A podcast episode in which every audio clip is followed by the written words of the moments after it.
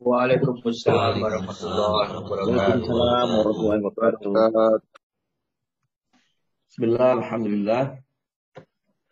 الحمد لله الذي أمرنا بالاتصام بحبل الله متين الصلاة والسلام على سيد المرسلين محمد وعلى آله وأصحابه المجاهدين الطاهرين أما بعد. سبحانك لا علم لنا إلا ما علمتنا إنك أنت العليم الحكيم.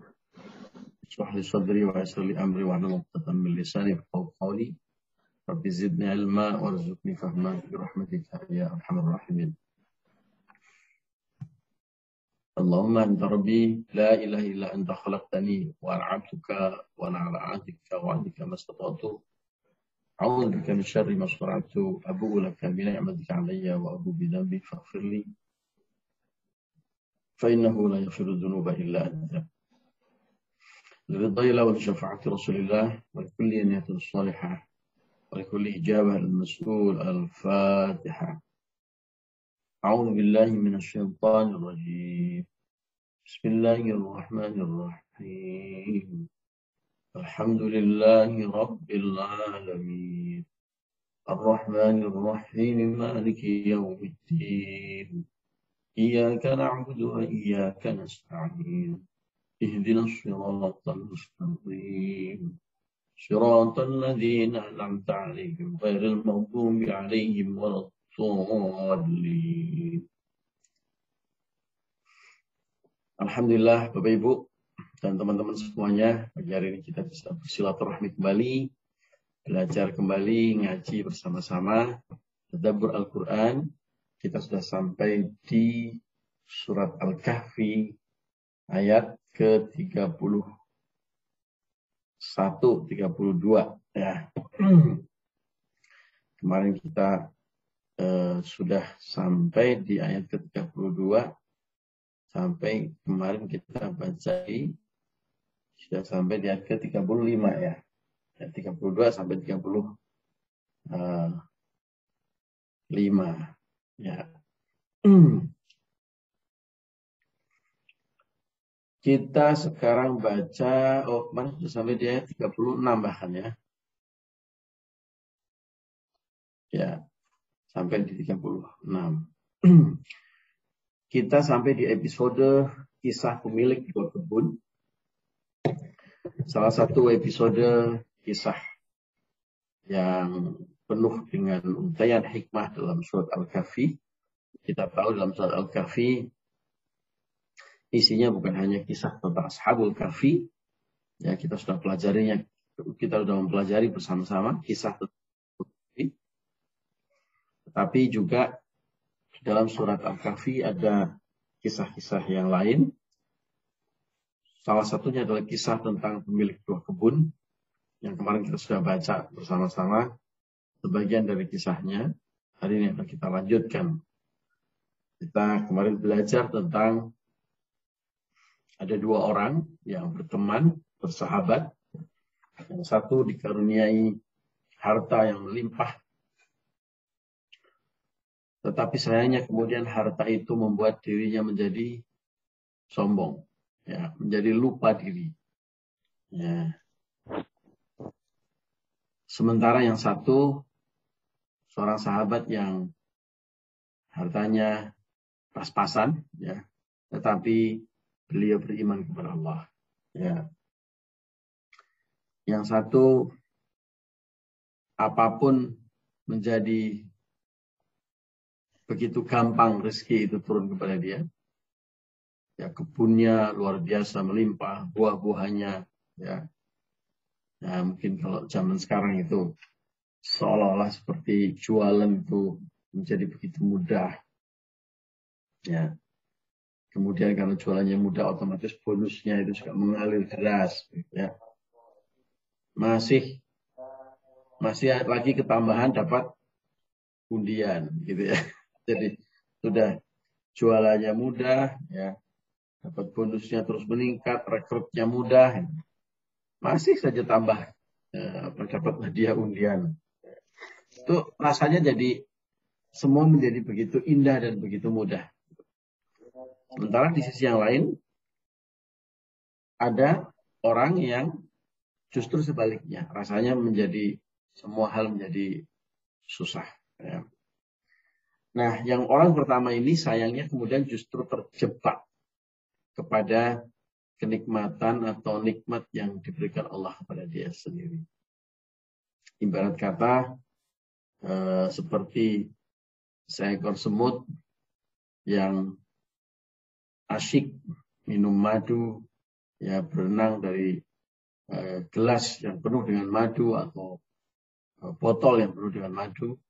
Saking banyaknya madu di dalam botol itu, sampai kemudian malah dia tenggelam di dalam eh, kolam madu tersebut dan kemudian mati di situ. Ini ironis. Ya. Orang yang penuh dengan nikmat, tetapi justru kenikmatan itu menenggelamkannya, mencelakakannya. Ya, seperti semut atau uh, binatang kecil lainnya yang terperangkap di lautan madu atau uh, minuman yang manis yang penuh dengan gula. Ya, karena uh, nikmat yang begitu banyak justru membuat dia menjadi terjebak, menjadi dia lupa, ya, lupa diri. Ya, akhirnya ditenggelamkan oleh nikmat tersebut. Dan sampai-sampai kemudian dia menganggap bahwa nikmat itu akan abadi, yang akan kekal.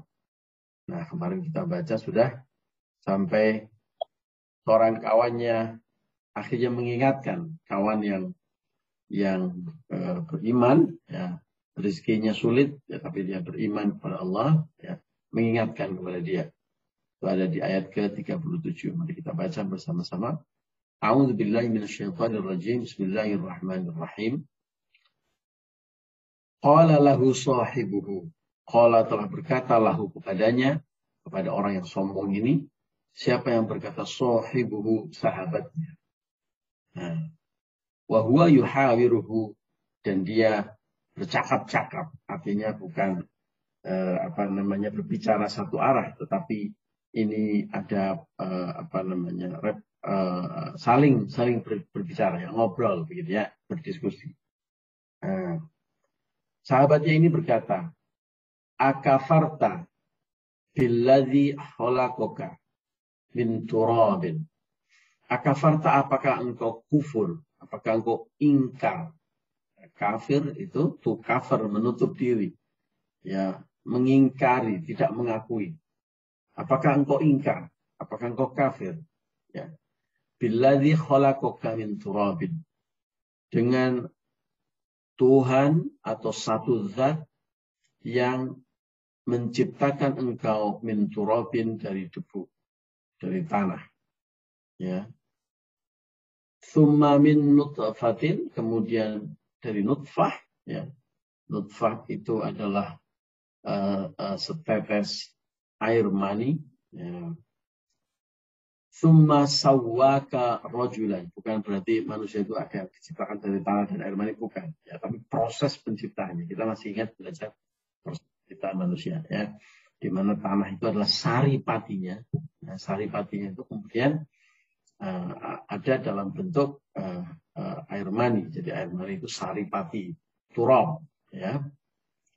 Uh, dan Allah menunjukkan ini itu untuk betapa manusia itu siapa pun dia ya termasuk orang yang sombong ini sesungguhnya dia diciptakan dari esens tanah yang berbentuk air mani yang hina ya yang uh, apa namanya uh, uh, apa kalau dari sisi cairannya itu adalah cairan yang uh, hina sehingga orang juga mungkin harus kalau melihat itu harus dibersihkan dan sebagainya ya itu kenapa orang masih bisa sombong kalau dia diciptakan dari esens atau inti sari tanah yang berbentuk air mani.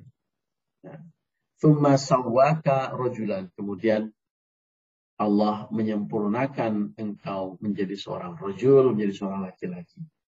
Kamu ini mau mengingkari toh. Bagaimana kamu itu diciptakan? Kamu itu diciptakan dari debu, dari esens tanah debu yang berbentuk air mani. Kemudian Allah sempurnakan tubuh kamu. Fi ahsani takwim. Bentuk yang paling sempurna. Kok masih mau kafir kamu? Kalau begitu. Ini sahabat yang mengingatkan. Nah, dan ini ini pelajaran buat kita. Pentingnya mencari sahabat yang baik. Ini kita... jam 6. kita sudah pernah membahasnya, berkali-kali membahasnya, pentingnya mencari sahabat yang baik. Dan seorang yang sahabat yang baik itu adalah seorang sahabat yang bisa mengingatkan sahabatnya. Bukan hanya sekedar yes man. Bukan hanya sekedar asal sahabatku senang. Diturutin semua keinginannya. Ini esensi persahabatan ada di sini. Dan ini bukan hanya sahabat dalam pengertian sahabat teman, tapi juga termasuk juga pasangan hidup. Ya, carilah pasangan hidup, carilah sahabat yang baik, yang beriman, yang salah satu tanda dia seorang sahabat yang baik adalah bisa mengingatkan kalau kita sesat. Ya, kalau kita salah, ya berani, ya berani mengingatkan. Nah, itu kita cari nih sahabat yang seperti ini. Bukan sahabat yang asal, ayo, ayo rame-rame, ah, pokoknya kamu, lu maunya apa, gua ikut dah, kagak ada lu, kagak rame. Ayo, kita asik-asik. Apa saja diturutin. Bukan begitu. Ya, Demikian juga tetangga, demikian juga teman satu komunitas seperti sekarang kita di pengawasan. Ini pentingnya agar kita bisa mempunyai teman yang sanggup, berani, bisa tawasau bil haq wa tawasau bis. Kenapa? Karena teman sangat menentukan kita. Corak kita itu ditentukan oleh teman. Bagaimana kita itu bagaimana teman. Makanya saya salah satu berkali-kali saya bilang, salah satu nikmat terbesar dalam hidup saya adalah bertemu dengan Anda semuanya teman-teman saya yang soleh solehah yang membuat uh, komunitas yang sangat baik ini di mana kita bisa saling ngaji dan saling mengingatkan. Ini kalau nggak ada teman-teman soleh solehah seperti anda, paling-paling ini kita kita ini saya terutama dan anda ya saya terutama pagi-pagi ya lagi tidur ya. paling hebat itu ya ngopi sama ngeteh olahraga itu sudah paling hebat ya baca Quran sendiri itu mungkin juga nggak bisa istiqomah setiap pagi gitu ya. Tapi karena ada teman-teman soleh seperti antum semuanya, ya, seperti anda semuanya, ya kita jadi bangun, ya kita duduk manis, hampir satu jam kita belajar bersama setiap pagi luar biasa sekali. Ya, hampir satu jam dan hampir setiap pagi. Ini kalau nggak ada sahabat-sahabat soleh seperti antum kan siapa ya, ya bisa memaksa kita bangun dan belajar setiap pagi hampir satu jam. Ya, ini salah satu nikmat terbesar dalam hidup saya alhamdulillah ini ini pentingnya kita punya sahabat punya teman-teman yang soleh dan solehah nah dan kita eh, sebagai sesama muslim salah satu tanda persahabatan kita yang baik adalah kita berani mengingatkan teman kita. Kalau salah berani mengajak dia pada kebaikan. Ya ayo ngaji. Ayo sholat jamaah. Eh nggak boleh begitu. Ya itu nggak boleh. Ya, ayo kita sama-sama bersedekah. Ayo kita. Itu itu tanda-tanda sahabat uh, sebagaimana yang disebutkan oleh hadis kanji Nabi. Sab'atun dhilla ya, sab'atun yudhilluhumullahi yawma la dhilla illa dhilluh. Ya, di mana Allah akan memberikan pertolongan kepada tujuh golongan, ya, di mana hari itu Allah tidak akan memberikan pertolongan kepada golongan lain. Hanya tujuh ini. Salah satu di antara tujuh ini adalah warujulani tahabani fillahi ijtama ala dzalik iftiraq alaih. Ya. Dua orang yang bersahabat ya bisa laki-laki dengan laki-laki, laki-laki dengan perempuan ya. Bersahabat ya, tentu persahabatan yang syar'i ya. Dan mereka bersahabat bersahabat itu semata-mata uh, karena Allah dan di dalam Allah ya karena Allah ya karena dipersatukan dipertautkan oleh Allah villa di jalan Allah ya artinya persahabatannya yang, yang syar'i karena di jalan Allah ya. Ijtama ala dhalik baik di dalam keadaan berkumpul maupun dalam keadaan berpisah mereka selalu ditautkan hatinya semata-mata karena Allah bersahabat karena Allah ya nah, bersahabat karena Allah salah satunya tentu tanda-tandanya adalah Tawasau bil haq wa tawasau bis sabr. Mengajak kepada kebaikan ya dan menjauhi dan mengingatkan ya nah, kalau ada hal-hal yang tidak benar ya mengajak kepada kebaikan dan kesabaran dan mengingatkan kalau ada yang tidak benar. Itu itu tanda-tanda persahabatan sejati, persahabatan karena Allah dan itu akan diganjar ya dengan pahala yang sangat luar biasa. Salah satunya adalah pertolongan Allah di hari di mana Allah tidak akan memberikan pertolongan kecuali kepada limited people, ya orang-orang terbatas, yaitu tujuh golongan tadi. Salah satunya adalah warajulani tahabani fillahi ijtama ala dzalik alaih. Dua orang yang bersahabat karena Allah ya. Kalau kalau pasangan suami istri ya yang saling mencintai karena Allah nah, gitu ya. Eh, dan mereka terus saling mencintai karena Allah baik dalam keadaan bertemu bersama-sama maupun dalam keadaan berpisah. Subhanallah. Ya, jadi itu itu itulah seorang sahabat. Ya. Nah ini di ayat 37 sahabatnya ini mengingatkan ya mengingatkan eh le cung bro nah, masa kamu mau kafir masa kamu mau lupa diri dengan zat yang menciptakan kamu dari air mani dari esensi tanah ya dan kemudian menyempurnakan kamu menjadi manusia nggak usah ngomong kamu kaya miskin dulu dah ya. kamu ini jadi manusia yang yang seperti ini yang fi ahsani dalam bentuk yang sempurna itu saja sudah nikmat yang sangat luar biasa Ya wong dulu kamu itu diciptakan dari esensi tanah dalam bentuk air mani. Sekarang masa kamu mau lupa diri? Nah, ini temannya mengingatkan. Uh, uh, by the way, ngomong-ngomong soal kisah ini, ada beberapa perbedaan tempat ulama ahli tafsir tentang siapa ini orang yang dibicarakan dalam kisah ini, ya, dan di mana dan kapan. Ya. Ada uh, sahabat dan ahli tafsir yang berpendapat bahwa kejadian ini terjadi di Makkah ya, di zaman eh, kenabian kanjeng Nabi Muhammad Shallallahu Alaihi Wasallam. Ya ada dua orang yang bersahabat, yang satu punya kebun yang sangat lebat, ya, buahnya, yang satu sangat terbatas hartanya. Tapi mereka bersahabat dekat dan akhirnya mereka bisa saling mengingatkan seperti ini. Ada sebagian ulama yang berpendapat bahwa ini kisah di zaman Bani Israel. Ya, karena apa? Karena ter, kenapa terjadi pendapat ini karena memang Al-Quran tidak secara detail menjelaskan. Kita sudah pernah belajar kenapa dalam banyak kasus kisah-kisah semacam ini Allah tidak mendetailkan, ya, mendetailkan uh, siapa pelakunya dan di mana, ya. Karena Allah mau berfokus kepada hikmah di balik kisah ini. Ya, tidak berfokus kepada sejarahnya ini kapan dan siapa, ya. Tapi yang uh, mari kita berfokus, makanya perintahnya Allah wadrib lahum masal Ya, berilah mereka perumpamaan. Bahkan, ya kemarin kita juga sudah ngaji ya, kalimat perumpamaan masal ini bisa juga berarti bahwa kisah ini bisa jadi benar-benar terjadi, bisa jadi ini adalah perumpamaan yang Allah berikan kepada kita tentang ada orang yang greedy, ya uh, rakus terhadap harta, yang membuat hal yang membuat dia lupa diri dan harta yang oleh Allah. Dan lalu ada seorang yang ingat ya tentang esensi dari harta atau rezeki kita.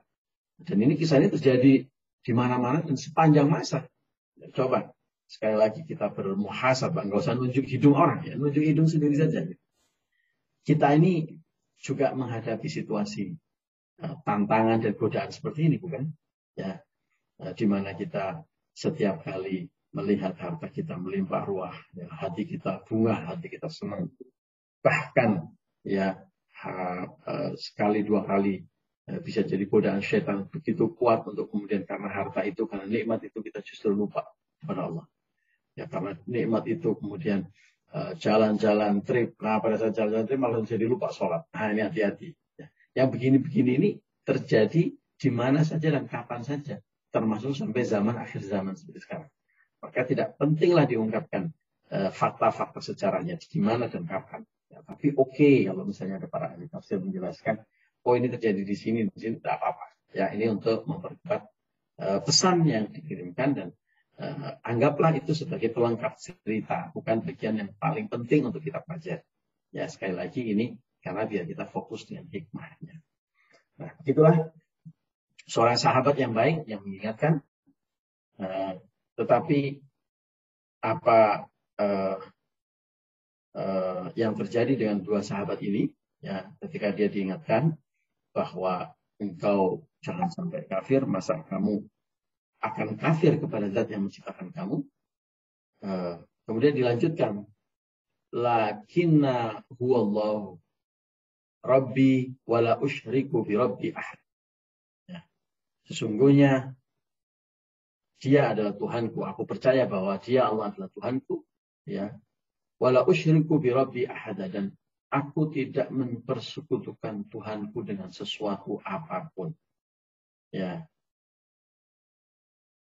Dan ayat berikutnya menjelaskan walaula iz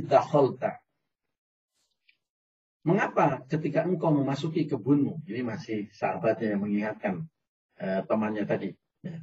di mana tadi pada saat ayat sebelumnya disebutkan pada saat dia masuk ke dalam kebun, ya dia merasa bangga, dia merasa lupa diri, dia mengatakan bahwa oh ini hartaku akan akan eh, kekal selamanya, akan cukup untuk tujuh turunan. Perusahaanku ini mana mungkin bangkrut. Ya, perusahaan paling besar di kota ini. Ya, aku mana mungkin eh, di PHK. Mana mungkin aku kesulitan mencari pekerjaan. Oh, banyak perusahaan yang justru tertarik-tarik ngejar, ngejar saya. Wah, saya ini kalau di kampung jadi lurah, wah bisa jadi lurah sepanjang masa. Tidak ada yang bisa menurunkan saya. Atau misalnya nggak lurah RT gitu ya. Jadi RT ini sudah bangga. Wah ini RT. RT ter, terlama di kabupaten ini. Wah bangganya gitu. Seolah-olah bahwa apa yang dia nikmati sekarang itu sesuatu yang sifatnya kekal. Diingatkan oleh saudaranya, oleh sahabatnya. Walaula iddakhalta jannataka. Kenapa ketika engkau masuk kebunmu? Ya. Engkau tidak mengucapkan kulta. Engkau tidak mengucapkan Masya Allah. Ya. Kenapa engkau masuk kebun justru sombong? Justru beranggapan bahwa kebunmu akan kekal selama-lamanya. Ya.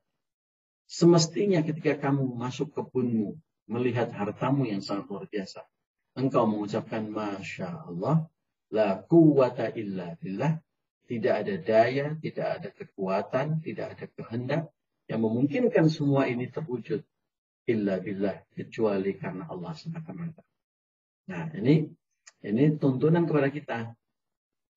Kalau ibu-ibu sedang asik membuka kotak perhiasannya, melihat menikmati perhiasannya. Kan kalau kita punya perhiasan disimpan begitu ya Bu. Senang dilihat-lihat ya Bu atau bapak-bapak membuka kotak safe deposit box-nya, melihat koleksi Rolex-nya, ya.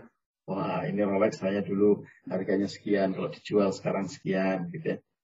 Nggak apa-apa, karena memang itu itu itu bagian dari manusia mencintai eh, apa perhiasan dan mencintai dunia.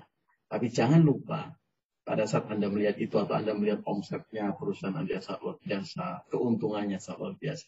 Jangan lupa Eh, jangan sampai membuat itu kita lupa diri. Ya. Ucapkanlah Masya Allah, la haula wa la quwata illa billah. Ya, tidak ada daya, tidak ada kehendak yang membuat ini semua terwujud. Semua semata-mata atas izin Allah. Ucapan ini sekaligus juga statement pernyataan bahwa kita adalah hamba yang yang sangat lemah. Ya, kita nggak punya kehendak apa pun. Semua yang membuat ini semata-mata adalah Allah. Ya, maka kita ucapkan Alhamdulillah, Subhanallah, Masya Allah. Ya, Masya Allah, wa luar biasa. Alhamdulillah. Ya, jangan lupa la haula wala quwwata illa billah. La haula illa billah. Ya, sesungguhnya ini semua bisa terjadi di semata-mata atas kehendakmu ya Allah. Maka aku ucapkan Alhamdulillah segala puji bagi engkau ya Allah.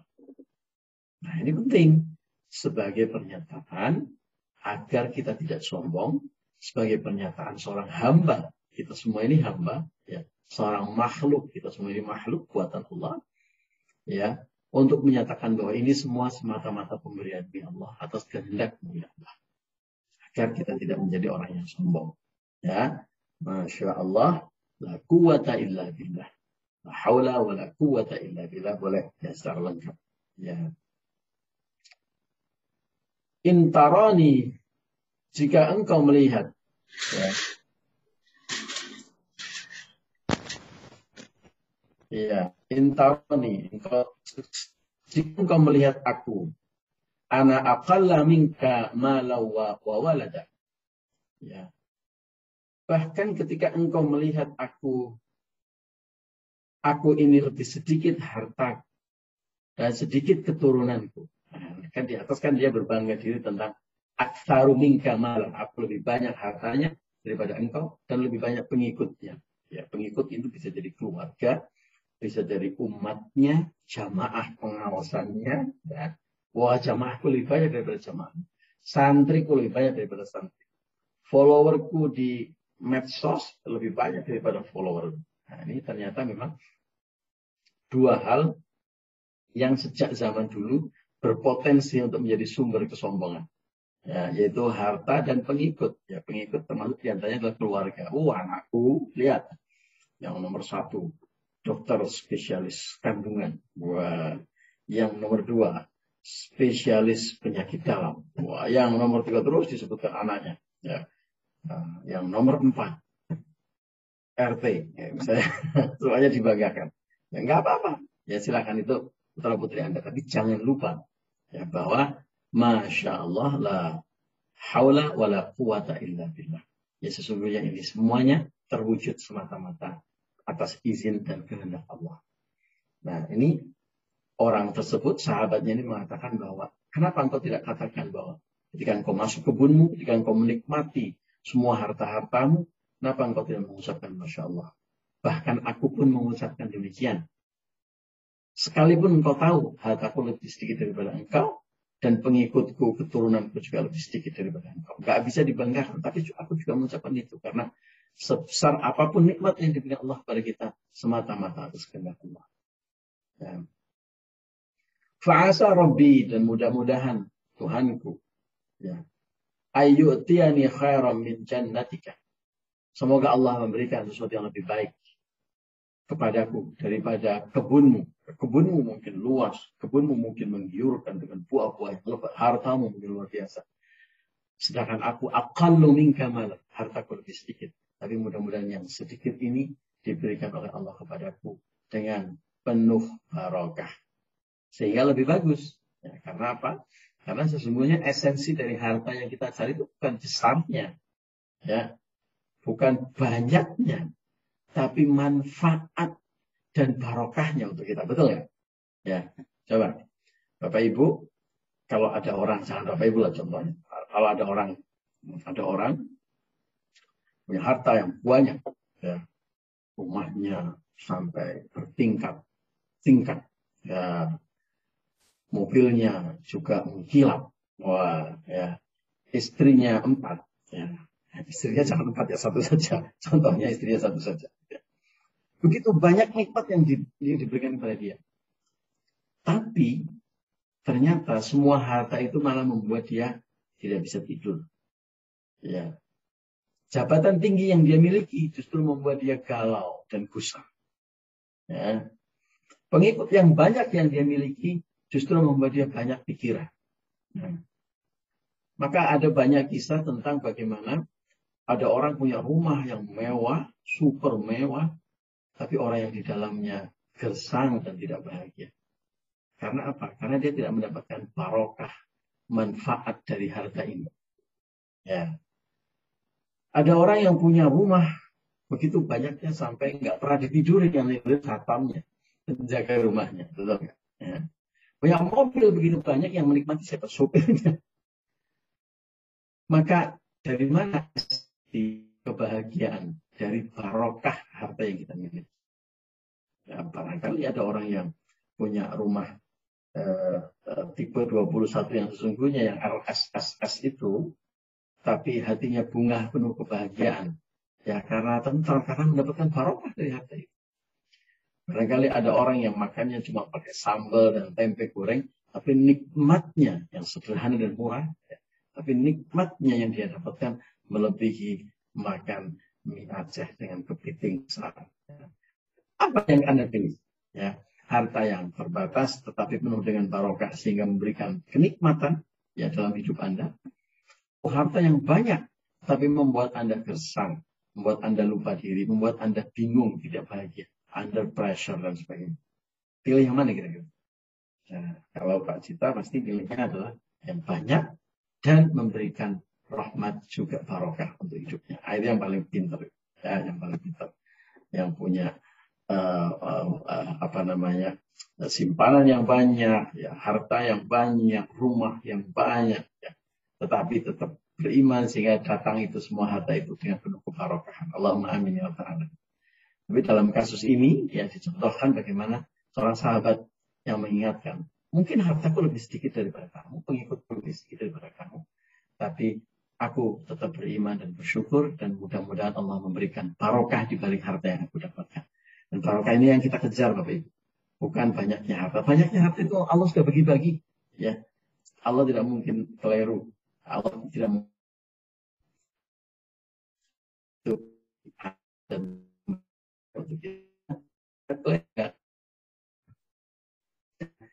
nah, yang kita adalah uh, ya atau kenikmatan dari harta itu. Kalau ya, ya kenikmatan dari makanan itu.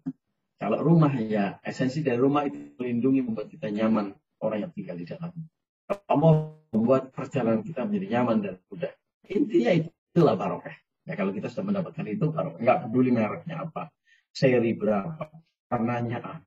Ya itu itu nggak penting. Ya, yang penting uh, menjadi nyaman, menjadi gampang, menjadi mudah pergian. Itu esensi kendaraan begitu ya. Dan itulah barokah. Dan Allah nggak mungkin yang kalau itu yang makanya tadi kita nggak usah sibuk memasuki urusan Allah dalam dalam kitab hikam pernah disebutkan ya. Kita nggak pernah sibuk memasuki urusan Allah. Urusan Allah itu apa? Urusan Allah itu menentukan rezeki buat kita. Itu Allah yang menentukan dan membagi-bagikan. Ya nggak mungkin kalian. Nah, kita nggak usah sibuk memasuki urusan itu. Kita sibuk berusaha, berikhtiar, berdoa, tawakal, bersyukur. Itu selesai. Nah, itulah itu, itu wilayah kesibukan kita. Ya, kalau soal waduh, eh, saya akan dapat bonus berapa puluh juta bulan ini. Ya, saya akan jualan berapa, akan capai target atau tidak. Itu ikhtiarnya wilayah kita, hasilnya di wilayah Allah. Kenapa orang, kenapa Allah memberikan dia harta yang lebih banyak, kekuatan yang lebih tinggi, ya, sehingga muncul iri dengki, ya, atau kemudian justru ketika dia dikasih banyak menjadi ujub, ya, riak, tamak, sum'ah, ya, sombong. Nah, ini ini ini uh, uh, karena tidak ada baru harta yang dapatkan. Jadi sedikit ya jadi masalah, banyak apa? Ya. Tentu itu yang kita dapat uh, kita cari. Ya sekali lagi yakin bahwa Allah yang menciptakan uh, wilayah Allah yang menentukan kita wilayah ikhtiar, bersyukur dan tawakal. Ya, ya, pasti pilih Allah yang yang diberikan kepada kita semuanya. Di bagian akhir dari ngaji kita, saya ingin mengemphasize, menggarisbawahi, menguatkan ya bagaimana Allah memberikan yang selalu memberikan yang terbaik untuk kita, meskipun kadang-kadang kita tidak menyadarinya. Ya, meskipun kadang-kadang Allah tidak, meskipun kadang-kadang kita lupa, meskipun kadang-kadang kita menggerutu, padahal itu adalah yang terbaik yang diberikan Allah kepada kita. Ada sebuah kisah, sekali lagi bisa jadi kisah ini adalah kisah fiktif, dongeng, tetapi hikmahnya, esensinya adalah nyata. Ya, kisah seorang raja, barangkali Bapak Ibu sudah pernah mendengar ya, seorang raja yang uh, apa namanya uh, sangat uh, apa berkuasa, ya, sangat berkuasa. Uh, bawahannya, ya, dia mengajar Ya, ketika ada rakyat yang protes, itu adalah pembelian Allah yang terbaik untuk Anda. Anda nggak boleh nggak boleh protes. Ya saja mengajarkan hal itu. Sampai kemudian suatu saat terjadilah di mana sang raja itu eh, apa namanya eh, sakit keras. Ya. Dan ketika dia sakit, dia bertanya kepada salah satu perdana menterinya. Kamu lihat saya sakit. Ya. Apakah ini adalah pemberian Allah yang terbaik untuk Raja bertanya pada Perdana Menterinya. Lalu Perdana Menteri mengatakan, iya, ini adalah selalu sebagaimana yang engkau ajarkan. Ini adalah pemberian yang terbaik yang Allah berikan. Sang Raja marah, tersinggung. Ternyata apa yang diajarkan selama ini, ketika terjadi pada dirinya dia tidak siap. Ya, lagi dalam keadaan sakit, eh malah dibilangin bahwa itu adalah yang terbaik yang Allah berikan kepada dia. Dia nggak terima. Lalu sang Perdana Menteri dihukum. Ya, Perdana Menteri uh, dihukum uh, dan sang raja saking sakitnya itu saking parahnya sakit itu sampai akhirnya dia kehilangan uh, kehilangan jempolnya ya Ini mungkin kalau zaman sekarang itu diabetes yang harus diamputasi. Ya, sakit diabetes dia harus uh, akhirnya harus dipotong tangannya, dipotong jempolnya. Dan dia merasa sangat malu. Ya, ketika dia dalam keadaan seperti itu malah dibilang oleh Perdana Menterinya bahwa ini adalah yang terbaik yang Allah berikan kepadamu. Ini adalah pilihan yang terbaik. Ini adalah takdir yang terbaik untukmu. Maka Raja marah, Perdana Menteri dipenjara. Suatu hari uh, ketika kondisi uh, uh, uh, sang raja sudah membaik, tangannya sudah diamputasi, sang raja uh, berburu keluar kota raja bersama dengan pasukannya. Tapi hari itu naas, ya sang raja terperosok, sang raja terjebak, sang raja tersesat di dalam hutan yang penuh dengan perampok, ya sampai kemudian mereka uh, apa namanya uh, dikepung, ditangkap dan ternyata mereka bukan sekedar perampok, mereka adalah perampok yang merupakan penyembah roh-roh jahat. Ya. Itu mereka ditangkap satu persatu semua dieksekusi ini pasukannya raja. Ya. Kenapa dieksekusi sebagai persembahan terhadap roh jahat tersebut? Ya, diberikanlah satu persatu. Ya. Terakhir sampai raja giliran raja. Rajanya sudah nangis, sudah galau, sudah bingung memikirkan bagaimana nanti kerajaan saya, sudah eh, siap-siap uh, menulis surat wasiat. Sampai kemudian ketika diambil oleh pasukan perampok ini, dilihat ternyata raja itu punya cacat yaitu jempolnya hilang. Karena jempolnya hilang dianggap cacat, dianggap tidak sah untuk dikorbankan kepada para roh-roh uh, pujaan mereka. Lalu raja ini dilepas oleh mereka. Dilepas akhirnya raja pulang ke kota raja. Dan begitu sampai di kota raja, dia sangat bersyukur ya karena Allah memberikan jempolnya itu diputus atau diamputasi dan dia ingat kepada perdana menterinya yang dia hukum yang mengatakan bahwa itu adalah pilihan terbaik untuk dia yang dia marah karena dulu dinasihatin seperti itu maka begitu dia datang yang pertama dia lakukan adalah sang perdana menteri ini dibebaskan dari penjara dikeluarkan dari penjara dan sang raja mengatakan terima kasih ternyata nasihatmu benar bahwa apa yang terjadi kepada diri kita adalah yang terbaik untuk kita. Meskipun dulu saya tidak menyadari, sekarang saya sudah sangat sadar. Ceritanya begini, kalau cerita kejadian di tengah hutan. Nah, kemudian Raja mengatakan kepada dia, nah itu kan versi saya, yang terbaik untuk diri saya. Nah bagaimana dengan kamu?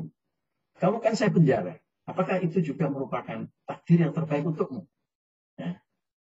Sang Perdana Menteri mengatakan, Alhamdulillah ala kulli halin wa Ya, baginda. Saya di penjara ini juga merupakan takdir yang terbaik untukku. Ini adalah kado, ini adalah hadiah terindah yang diberikan oleh Anda, yang ditetapkan oleh Allah melalui jalan Anda memenjara saya.